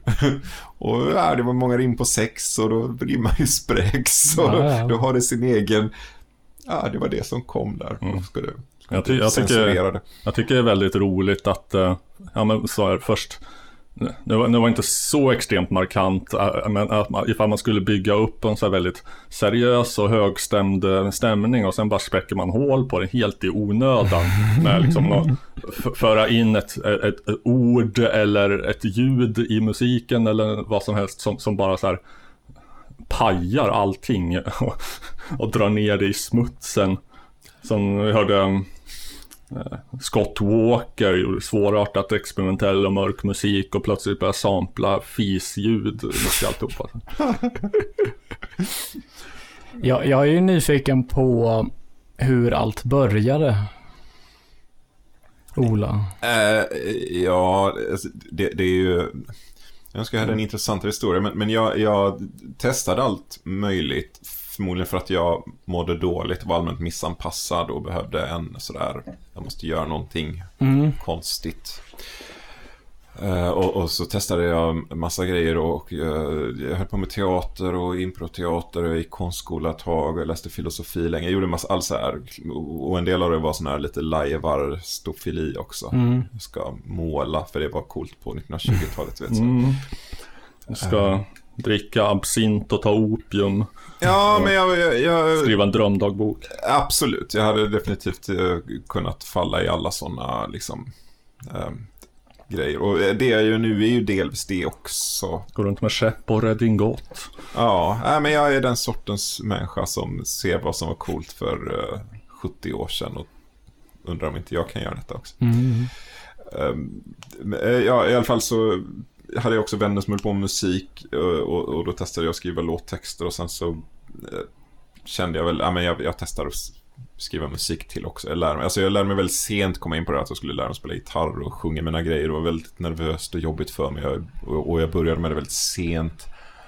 Och när jag gjorde det på scen så kändes det som att det funkade bättre än allt det där skiten jag hade försökt göra förut. Och då var jag väldigt gammal och eh, kände att nu, nu är det nog det här jag får satsa på, annars hinner jag ingenting. Ja. så, så då var jag tvungen. Så det är lite sådär trial and error. Eh, men också någon allmän så eh, passion för att jag skulle hitta något konstnärligt. Har du några eh, influenser på, eh, förutom den här tysken då som jag har glömt vad han hette. Äh, Eh, fan, jag- van Dannen heter han. Ja, just det. som vill lyssna. Ja.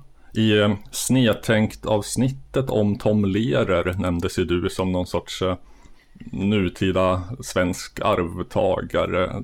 Jag kan se lite grann vart det kommer ifrån. Nej, jag kan också säga det. Jag tycker att det är nästan det som är mest lik, men jag tror att det har gått liksom...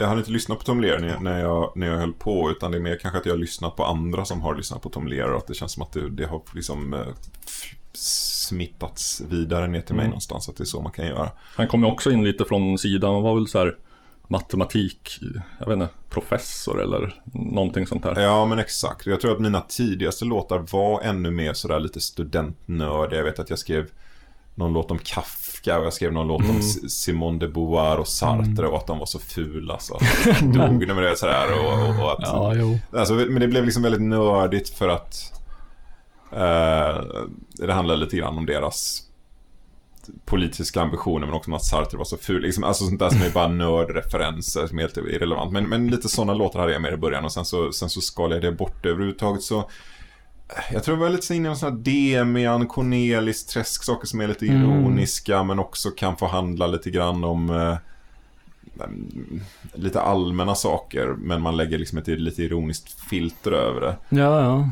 Men sen så det var faktiskt Isak Jansson som var den första stupparen som jag mötte. Vi körde på samma scen i Kärrtorp, så inte så långt härifrån. Oh, var på Turteatern. Ja, exakt. Det är en öppen scengrej. Men det var liksom en bra öppen scen, så man ska inte förtala den. Det var verkligen svinbra Mm. stämning där ett, ett, ett tag. Jo, när var det här? Mycket folk. När kan detta varit? Det var liksom i början, alltså 2008 skulle jag tippa. Det var liksom första året som jag egentligen stod på scen. Men, men Mm. liksom, då, då hade jag kört där några gånger och han var där och hade väl också börjat ganska nyss. Och eh, han tyckte att, eh, ja men testa att köra på en ståuppklubb, du kan ju köra på, på Big Ben liksom. Mm. Eh, och då testade jag att köra där och det, liksom, någonstans där så fick jag väl också känslan av att, nej men jag, jag ska... Jag ska, jag ska försöka vara rolig liksom. Mm. Jag är nog komiker liksom. Jag ska, jag ska ta bort allt som inte är humor. Mm. Men likheten med Tom Lehrer är väl mycket att eh, han, han kanske inte går lika hårt åt, eh, jag vet inte, folks eh, anus och könsdelar. Nu säger jag inte att du är någon sån figur, men du, du drar det ju inte för att eh, ta in det sexuella. Nej, jag tror att han är ganska drastisk för sin tid. Jag kommer Mm. inte ihåg var, var, var han, hur sexuell han blir. Men man får också tänka att det var en... Lite grann. Det finns någon sån här masochism tango Ah. eller vad fan det heter. Jag tror det. Alltså 60-talet är ju lite lurigt på det sättet att det var sexuellt frigjort men det var också väldigt mycket censur fortfarande när det gällde sex. Ja. Så vad han skulle kunna komma undan med i en låttext är, är inte lika uppenbart. Han är ju dessutom ännu lite tidigare, här sent 50-tal nästan. Ja, men eh, bara för att eh, den oinvigde lyssnaren ska ha, ska ha någonting att hålla sig kvar. Nu ska hoppas att det här är rätt version. Ja, just det. Också bäst live, så att därför valde jag den här versionen. was to introduce the vernacular into portions of the Mass to replace Latin and to widen somewhat the range of music permissible in the liturgy. But I feel that if they really want to sell the product in this secular age, what they ought to do is to redo some of the liturgical music in popular song forms. Också fantastisk mellanpratare. modest example here. Mm. It's called the Vatican Rag.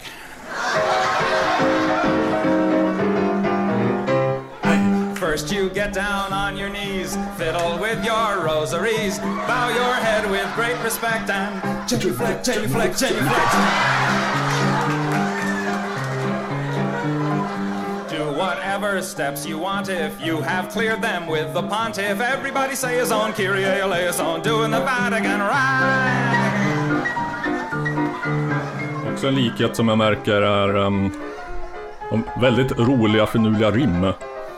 Mm, han är ju extremt skicklig. eh, Everybody say it's on, Kyrie LA song. Get in line in that processional, step into that small confessional. They're the guy who's got religion. I'll tell you if your sin's original. If it is, try playing it safer. Drink the wine and chew the wafer. Two, four, six, eight. Time to transubstantiate. So get down upon your knees, fiddle with your rosaries, bow your head with great respect and genuflect, genuflect, genuflect. Make a cross on your abdomen. When in Rome, do like a Roman. Ave Maria, gee, it's good to see you. Getting ecstatic and sort of dramatic and doing the Vatican right. Ja, men det är fint. Är det... Ja, det här... Jag, jag har undrat vad du har för... Alltså om man... För jag minns... Jag har alltid svårt att veta om... Alltså det, det, det jag har lyssnat på, hur liksom allmän... Alltså i min värld är det helt naturligt. Alltså jag brukar bli förvånad när folk inte har hört talas om till exempel Ben Sebastian. Uh, vilket är kanske främst något i, i- min generation, att liksom bland eh, folk som var, eh, blev tonåringar och vuxna på 90-talet så är det ju en självklar referens. Men jag, jag minns när du, när du, när vi, det var den här eh, istället för festival som det kallades i, Mm. eh, jag pa- passa på att skicka ut ett tack till vår trogne lyssnare och även donator Kristoffer Andegrim som eh, var med och styrde upp den här festivalen på Ja. sin egen sommarstuga typ. Ja. Då, jag hade gjort min spelning och den gick väl inte jättebra. Eller det var inte jättebra respons från publiken. Men du, jag minns att du Ola frågade mig. Eh, Du tyckte att dig se några antydningar av Bright Eyes. Eh, Jag minns att du nämnde åtminstone Conor Oberst. Mm. Och har du, har du haft någon sån liksom deppig indie folkperiod? Eh, absolut eh, har jag. Eh, nu, nu, nu, det finns ju liksom två spår i den frågan. Det ena är att jag plockar upp rätt mycket musik från min lite yngre bror som kunde mycket sån indie-pop. Liksom. Bella Sebastian har lyssnat jättemycket på Mm. och Bright Eyes har jag också lyssnat på mycket. Och, och en del i den, den tidsserien. Nu är det ju... Jag var ju inte jättegammal då, det här är ju gamla grejer ändå. får man väl säga. Ja. Belle Sebastian är väl sent 90-tal eller vad ska man säga. Ja. Eh, men jag har också haft så här väldigt deppig musiklyssnarperiod. Uh, alltså på ett pinsam nivå när jag verkligen mådde dåligt och bara lyssnade på så här Joy Division Mm. för att bara stå ut. Ja, du vet så här på repeat. Ja, men så här uh, sj- sjukdomslyssnande liksom. Gillar du... Jag spelade, jag spelade, jag spelade, jag spelade upp eh, Red House Painters i förra avsnittet. Det tror jag inte jag har koll på däremot. Okej. Nej. Ja. Jag, jag har aldrig haft det sådär, jag har aldrig haft den här Andres Lock och jag ska ha koll på de obskyra banden-period så riktigt. Det, Nej, så. nej. Nej, aldrig eh, Indie-killen på Expressen Fredag. Nej, det, det har jag inte alls eh, velat eller, eller gått in i. Min bror var nog lite så att han ville vara, jag är indie-pop-killen, jag har koll på ny smal musik. Lite såhär Benno-läsare. Jag vet inte ens vad det är. Tidningen Benno, det var liksom Stefan Zackrisson. eh, Ja. Liksom det mer indie-alternativ till tidningen Pop. Ja, säkert. Jag tror han läste så här utländska bloggar och ville hålla sig mm. Han, Factor. han ville vara cool, men han, var ju, men han flyttade ju till London sen och gjorde indie-pop-karriär liksom. Det, det är helt, helt eh, legitimt. Ja. I den mån han var en posör så var i alla, fall tog det så långt Ja, att ja. det blir fånigt. Uh, han spelade ett band som heter Fanfarlo och jag tror att de är väldigt små i Sverige men han, han hade ändå en sån här publik Mm. i utlandet. Ehm, ja, tänkte en grej. Du, du, du gav väl ut skiva så sent som i år va? Eh, ja, precis i våras. Det känns länge sedan nu för det kom hela den där konstiga eh, pandemin i vägen och allt blev så konstigt. Just det, den grejen. Fan, Ja, jag att glömma. men jag släppte den. Ja, Det, ja, det, kändes, det kändes bra. Då det liksom var lite sån här um, skiva som folk tyckte om. Och så hade jag lite spelningar. Lite för första gången i mitt liv kände jag att jag hade lite sådär inte för att det är mycket folk, men för att det var lite, så här, lite utsålt. Folk började känna det. låtar. Jag, jag kände att fan, det här kommer bli kul. Nu kommer jag kunna göra bra spelningar. Och sen så det blev i och för sig lite så här, som er spelning, festivalspelning var ju väldigt rolig. Där fick jag en så här bra feeling liksom. Att Mm. folk önskade låtar och sådär. Är, om man ska se, var väldigt mycket så här glaset halvfullt. Ja, nu blir i alla fall alla gig utsålda. Det, ja, men den känslan hade jag faktiskt ett tag och, och ganska länge tyckte jag att 2020 ändå var ett bra år för att jag fick göra, men jag fick göra 50 personers gig. Det är perfekt med. De blir utsålda och jag slipper känna att jag är patetisk som kör för 50 pers. Ja. Men, men, men sen, äh, sen när andra vågen kom nu så var det så här att fasen det ställdes in gig och det hade precis börjat styras upp. Jag har fått nya gig, jag hade planerat in egna grejer och massa releaser och skit och sen bara ställdes allt in. Har du inte har du gjort någon, någon coronalåt? Ja, jag gjorde en lite- faktiskt. Jag ja. tröttnade väldigt snabbt på det s- skämtet liksom. corona. Jo, det, blev jag väldigt nyfiken på. Vad, Ja. vad, jag försökte tänka själv så här, vad skulle kunna vara en aurelsk take på corona? Jag kom inte riktigt på något. Den är ganska snäll. Jag har gjort en låt som heter Pandemin som bara, jag skrev bara en ny text till låten Symfonin. Pandemin. Ja, pandemin. Exakt så är det. Och jag kan ju inte sjunga det så bra. Så jag, jag bara kontaktade en kille som har sångröst och sa kan du sjunga in det här? Ja, jättegärna. Liksom. Ring, ringde Loa Falkman. Ja, han heter Daniel Grejer och vi bara, vi tog... eh, Jag vet inte om vi tog en karaokeversion, vi tog någon version som fanns, vi slapp arrare liksom. Vi bara, ja men det är en YouTube-grej liksom.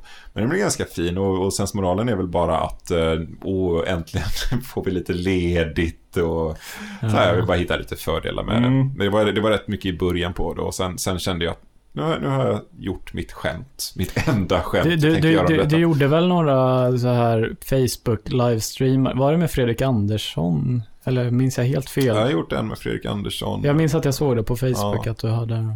Det har jag gjort. Jag har gjort en egen konsert, lite sånt där. Mm. Men det, det var inte, vi skojade ju inte om pandemin hoppas jag. Inget om toapapper eller om social distansering. Jag, jag, jag och Robert gjorde ju en, eh, en eh, cover på eh, Corinda av Colinda. Colinda. Colinda På av- Grågefält. Ja. Som egentligen bara var så här de första takterna och eh, att man sjunger Corona istället för Colinda. Det var lite så här eh, symfonin, pandemin, slappt på det viset. Jo, Ja, nej, men fast det- jag var ändå tvungen att lära mig den på gitarr. Ja, det var stort.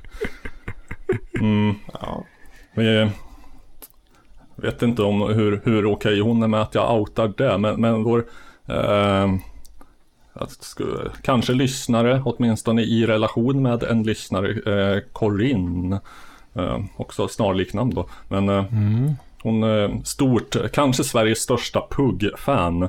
Har järnkoll på allt han någonsin har gjort. Så att hon, vi, vi tillägnar henne den lilla visan och hon blev jätteglad.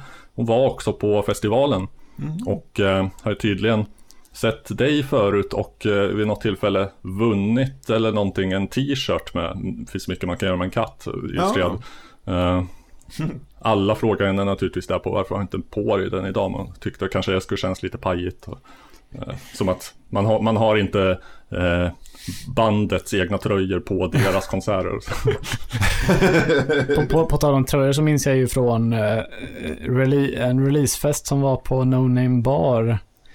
Ehm, som du hade tillsammans med ett par uh, medmusikanter för den här eh, eh, Christer Pettersson Just det. Mm. plattan där eh, Trampe och Kalle Lind också var med på.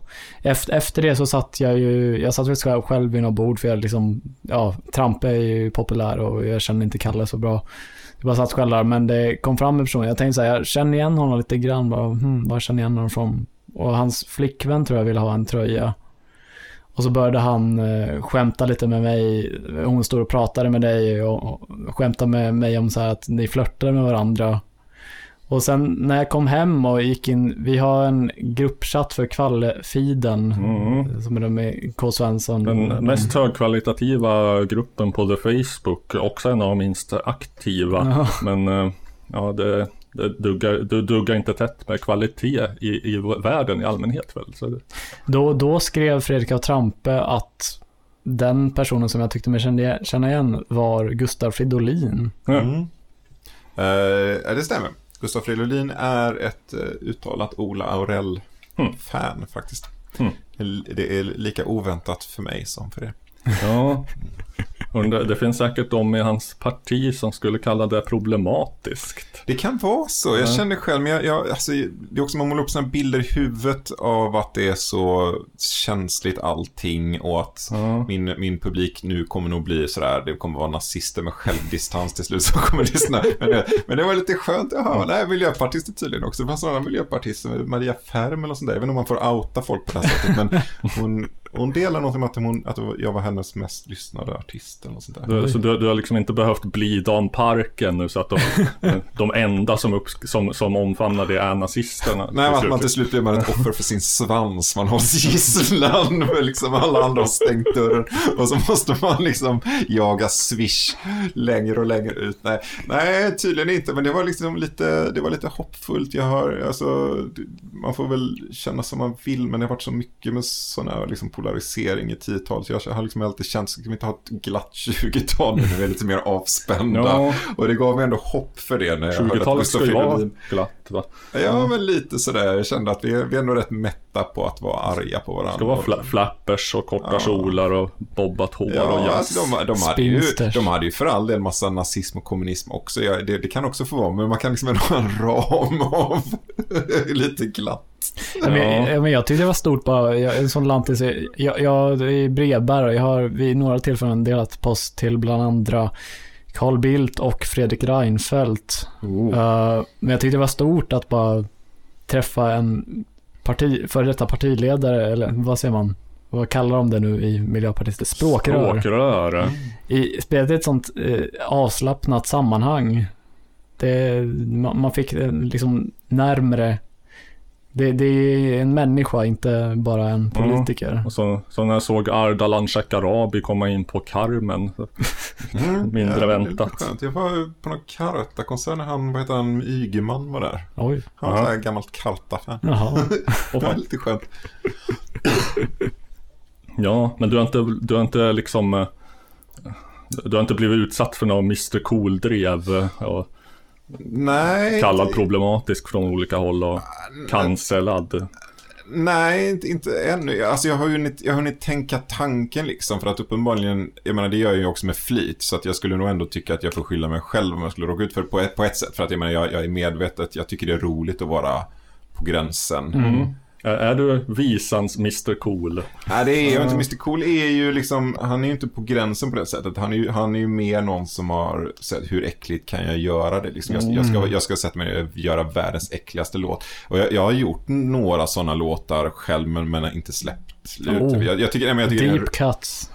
Ja, men alltså jag tycker det är roligt. Men, det, det, det är inte på Mr Cool-nivå, men vi pratade om Lasse Berghagen förut. Jag har liksom suttit på tågresor och bara skrivit om hans låtar. För det, det finns någon sån här pedo-underton i hans låtar. För att det är så, här, det är så jävla sött. Och det är så gulliga Ja, barn. ja. Och det är liksom, han tog av sig sin kavaj. Och det är liksom, vad, vad händer om man bara skriver om, om bara gör det liksom? Att man Ja, bara gör sexövergrepp Ja. av det liksom. Eh, Ja, en vä- väldigt uppenbar take skulle ju vara då pedobjörnen Fredriksson. Då. alltså det Pedo tror jag inte. Jag tror att... Hans jag- kuk den var av garn. Ja, alltså det, det finns nog till och med en sån här gu- gummi... eh, Någon uppblåsbar man, någon sån här kuk. Men, men, eh, nej men, jag, men det, jag, jag vill ju inte gå dit. Jag vill ju inte vara Mr Cool på det sättet. Och jag, jag tror inte heller jag uppfattas så. Nej. Jag, jag fick något brev, något så mitt i natten brev från någon person som, som var lite så här. Han tyckte att det, det var lite bra men att jag skulle släppa att jag verkade vara någon bayern supporter och att jag skulle släppa de här progg-influenserna jag verkade ha. Och så avslutar han brevet med Heja Djurgården, heja SD. så att han ville ge mig en liten blandad feedback. Där han också ville skälla ut mig för att jag verkade sympatisera. Jag, jag, jag, jag, jag vet inte. Jag, nu minns jag inte vad frågan. Jag, jag Mr Cool, ja. Nej, men, jag, men jag, jag gör ju också medvetna provokationer. Jag tycker det är roligt att slänga ut saker som jag bara sådär. Ja, vad sa ni nu då? Nu har vi hamnat här, vad, vad gör ni nu? Och jaha, ja, det var i våras så blev jag sådär eh, utskälld för någonting. Någon som tror jag tyckte någon låt var rasistisk eller vad det var, men hon ställde sig upp. Det var en sån här ung eh, rättskaffens kvinna som skällde ut mig och, och, och ville avbryta konserten. Och, eh, eh, jag, jag, försökte bara lugnt förklara att ja, men det, det, det må, vi kan prata om det här någon annan gång, men de vill ju Ja, lyssna och sådär. ja. Och hon gick ut och sa att jag skulle, hon skulle kontakta polisen. Okej. Så, så det kan uppenbarligen hända. Jag tror, jag tror att jag är lite skyddad av att jag är så obskyr liksom. Vem skulle lägga energi på mig liksom? Vad skulle man få ut av det? Det, det, det som... Ja, men just Mr Cool har ju en större, alltså bredare genomslag om det blir ett drev i och med att det går så långt över gränsen. Att det, med dig känns det mer som, med folk som lyssnar på dig som är lagda åt ett visst håll, kanske reagerar på vissa specifika låtar. Eh, Ja men precis, alltså Mr Cool är ju lättdelat och jag tror att om jag hade varit med som ett stående inslag i TV4 hade man kunnat lyfta fram en rad och säga Mm. det här är du vet, ett våldtäktsskämt eller någonting. Men, men nu tror jag inte man orkar liksom. Det, det, det är som att vem skulle få ut något av att försöka stänga av mig. Men även, Mr Cool var lite förvånad för att det var ju en låt som var flera år gammal och Ja, rätt ja. obskyr liksom. Det var ju så- bara något för underground-fans Det egentligen. här var ju det- dessutom det andra Mr Cool-drevet som jag minns. eh, Det var ju ett, flera år tidigare. Ja, Det kanske aldrig- Bonda. Kanske Ja, aldrig precis. hamnade utanför Twitter riktigt. Så. Nej, precis. Och det, det kändes så här lite rimligare för att det var en offentlig tillställning Jo, där det på jo. något sätt skulle utsätta andra. Det var väl Ja. lite grinigt också, men, men det var... Jag förstod ändå det drevet. Det, här, det, det senaste som kom var så konstigt. Ja, det var, det var otroligt eh, bakvänt tänkt liksom. Så, Åh, jag har hittat en, en jätteäcklig, vidrig låt som inte borde få existera och ingen någonsin borde höra. Nej, nu ska jag precis. sprida det Ja, över hela. Jag tror att det var många som reagerade på just det där. Ja, men tänk på dem som har varit med om grejer och de får höra de här orden. Det kommer väcka alla minnen. Och här är förresten orden. Det här är de allra värsta orden. Jag har plockat ut dem. En slags omvänd Bar- Barbara Streisand-effekt. Ja, Eller- det var väldigt konstigt sådär. Och mycket riktigt Barbara Streisand-effekten var ju verkligen slående att det blir skitmycket lyssningar, skitmycket spridning av de äckliga grejerna som ingen väl hade hört talas om. Det hamnar väl till och med på en sån här topp 50-lista någonting i Ja, ja. Sverige. Den, den, den låg i etta på någon så här eh, just nu trending-lista på Spotify. Det var rätt kul. Ja, ja, föga förvånande liksom. Klart man går in och lyssnar på det, men... eh, Men jag tycker så här med just, eh, när du nämnde det här med Lasse Berghagen och pedagogik. Jag tycker att det är många sådana här saker. Alltså, jag har skrivit en hel del texter med så här parodier till olika låtar som jag har tänkt, när jag spelat in dem och ska släppa så tänkt att jag kallar för typ böghits eller någonting. För jag tycker sånt är väldigt eh, likadant med pedofili, att det är väldigt tacksamt på något sätt att man, man kan väldigt lätt bara vinkla vissa delar av texten så att det framställs på ett visst sätt. Jag tycker det är mycket eh, problematiskt av det att likställa bög med pedofili. Precis. Ja. Ja, nej, jag, jag förstår vad du menar. Man kan läsa in det så fort. Det görs ju också i båda fallen skulle jag säga. Alltså, så här, det, finns, det finns en sån lite trött popkulturell trend att så fort män är vänner på film så finns det homoerotik i det. Mm. Och så fort någon man tycker om barn så är det pedo liksom. Ja, ja. Och eh, första gången någon har upptäckt att det här kan vi prata om så är det ju intressant. Men det blir ju snabbt sådär, jo, fast man kan vara kompisar också. Eller Jo, det här kan vara människor som bara har ett starkt band utan att de vill ligga med varandra. Ja, och när man, när man skriver sådana låtparodier också så känns det som ett så här kanske det är en eh, lågt hängande frukt och därför blir lite tråkigt bara. Men sen tycker jag ibland går det varvet runt att det här är så bara slappt och att det blir roligt för att det är så det är inte jättegenomtänkt utan det är bara, alltså det finns jättemånga så här eh, det finns ett band som man hör på namnet att, att de är väldigt liksom tagit influenser av äh, Onkel Konkel för de heter Unkel Runkel. Och de har gjort massa, främst här bögparodier på olika låtar. ehm, och de är liksom väldigt rätt low, alltså man hör på det att de, de har bara köpt en så här Blue Snowball USB-mikrofon eller något ännu billigare. Och, och bara spelat in det till olika backing tracks. M- Men det, det går lite varvet runt där, att det blir extremt roligt. För att det är så jävla dåligt. Ja, precis. Avsikten är ju inte avgörande för om konstverket är, Nej, nej. är lysande liksom. Det kan ju Ja. vara en... Det kan ju lyckas. Jag, jag har inte lyssnat på dem. Men jag tycker, jag, jag vill bara, jag, jag tycker det, jag tror inte jag har spelat i podden förut, men eh, jag har nog spelat det lite för, för Robert, för det blir är... det unkel eller unkel? Ja, för jag tycker det är just en, de har en parodi på eh, Bad Romance av Lady Gaga. Som då självklart heter Gay Romance. Jag tycker just Det det är introt, den nivån av slapphet alltså. jag tycker just in, alltså den här Ola Ola La grejen. Ja, det är den som går. Gaga, oh la. Ja, jag ska se om, Jag kan nästan gissa hur man gör om den också. va? måste jag bara...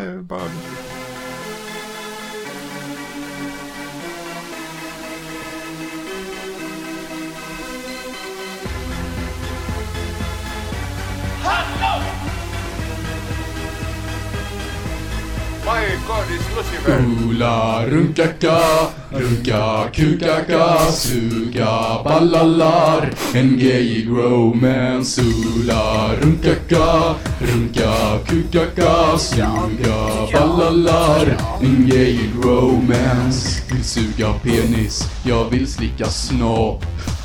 Och i din sperma vill jag ta ett dopp Jag vill ha kuk.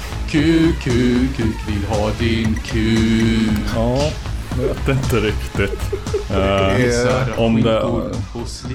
Det är något roligt med att tänka sig att de har suttit och tyckt att det är väldigt roligt. Ja.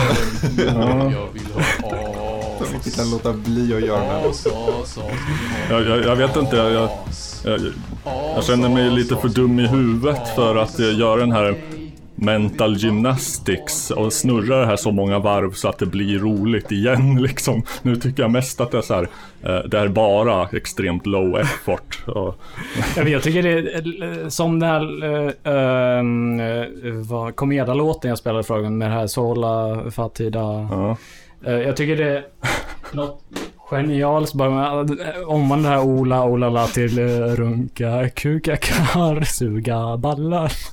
Det finns något genuint i det. Det, Ja, ja. det är inte någon som har försökt vara smart. Ja, just- så just- det är väldigt fint på det sättet. Just den grejen är ju så, så, så här liksom oförblommerat barnslig och löjlig. Ja. Då blir det Ja, till. det, det, det är nog något. något Och de har där hund, hundratals låtar. Vad, vad, är det, Det är hög produktion. De är liksom eh, sin genres Bach liksom. De Ja, det, det, var, det var något, något, någon, något band som, eh, jag tror att den nämndes i något avsnitt av Arkivsamtal där Adam Svanell gästade, som hette South City Bice Boys.